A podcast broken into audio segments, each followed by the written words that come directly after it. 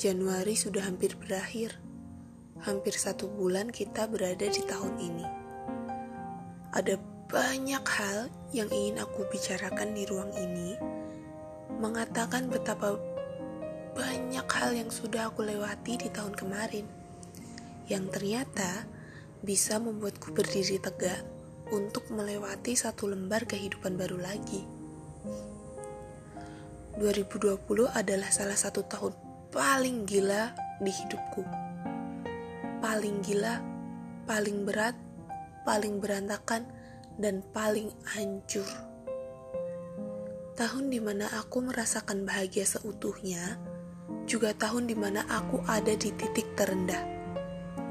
Tahun di mana aku dengan gamblang melihat bahwa kebahagiaan dan kesedihan ternyata hanya memiliki pembatas yang sangat tipis. Tahun kemarin, dalam proses menjalani segala hal yang dihadapi, aku kehilangan diriku sendiri. Tidak ada lagi minat untuk kembali menjalani hidup. Tidak ada lagi minat untuk bertemu dengan manusia lain. Tidak ada lagi keinginan untuk melihat jalan di depan mata. Banyak perubahan di diriku di tahun kemarin. Aku jatuh cinta dengan pegunungan, Aku semakin menyukai kopi dan ketenangan. Aku tidak lagi terlalu nyaman dengan keramaian. Aku mulai jarang pergi ke pantai. Aku mulai jarang memasuki gedung-gedung mall. Dan aku mulai jarang berkumpul dengan banyak orang. Aku banyak belajar bab legowo, ikhlas, dan semakin mendalami pendewasaan diri. Di saat yang sama, aku tertubruk dengan banyak hal yang menuntut aku untuk selalu baik-baik saja. Semua-semua ada di pundakku. Di saat banyak hal yang ku miliki harus dengan paksa aku lepas. Terutama satu hal yang begitu berarti yang kalaupun bisa dikatakan satu hal ini tidak ingin aku tukar dengan apa pun tapi ternyata harus dengan paksa aku lepaskan. Aku kelabakan. Aku kira aku akan bisa memaksakan diri untuk baik-baik saja. ternyata tidak. Di hari kedua di tahun 2021, dalam sehari aku masuk IGD dua kali. Hampir saja aku berhenti menjadi manusia di bumi. Satu hari aku bilang ke salah seorang sahabat, aku pengen pergi dari kota ini. Sebentar saja juga tidak apa-apa. Aku dengan penuh kesadaran menyadari bahwa aku sedang sangat hancur dan masa di mana aku terbaring di ruang IGD, aku menyadari bahwa aku masih ingin melanjutkan hidup. Maka, di tanggal 8 Januari aku memutuskan pergi ke Bandung aku bilang pada diriku sendiri, Don, begitu masuk ke dalam kereta, segala hal yang membebani benak, luka yang terus digenggam, perasaan kecewa, marah, kehilangan, dendam, semua dilepas ya. Jangan dibawa ikut ke Bandung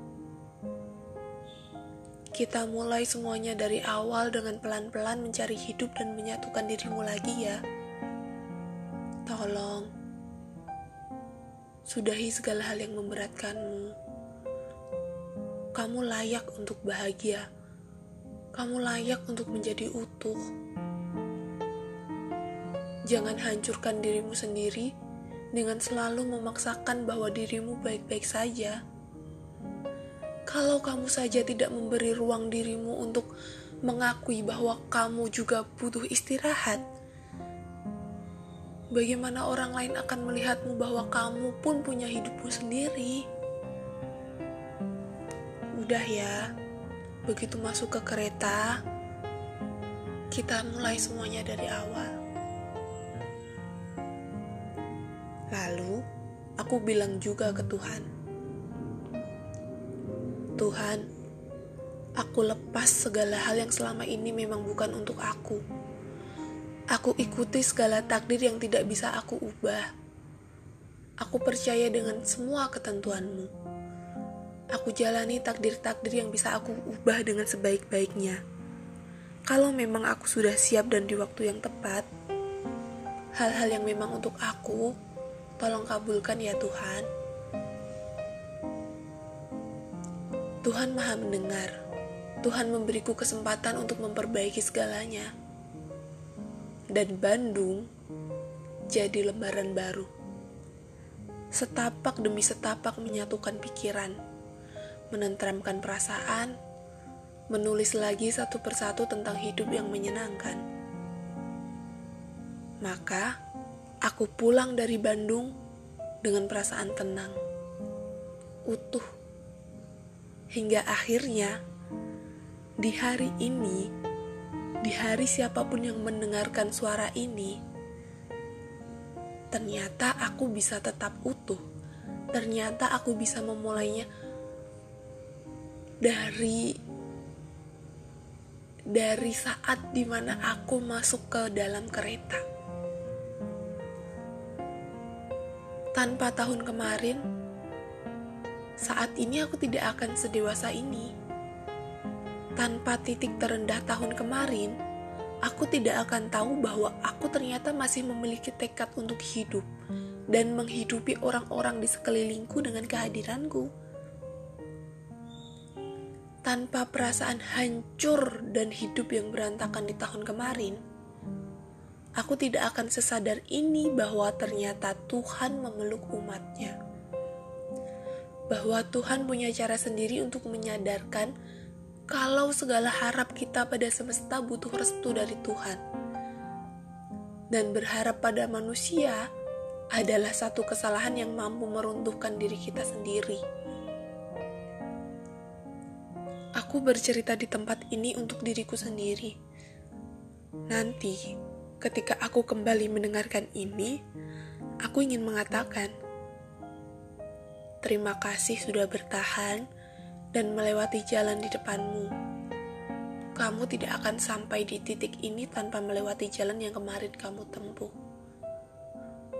Tetap menjadi utuh ya, jangan lagi berserakan. Tahun ini, semoga kita semua tetap utuh.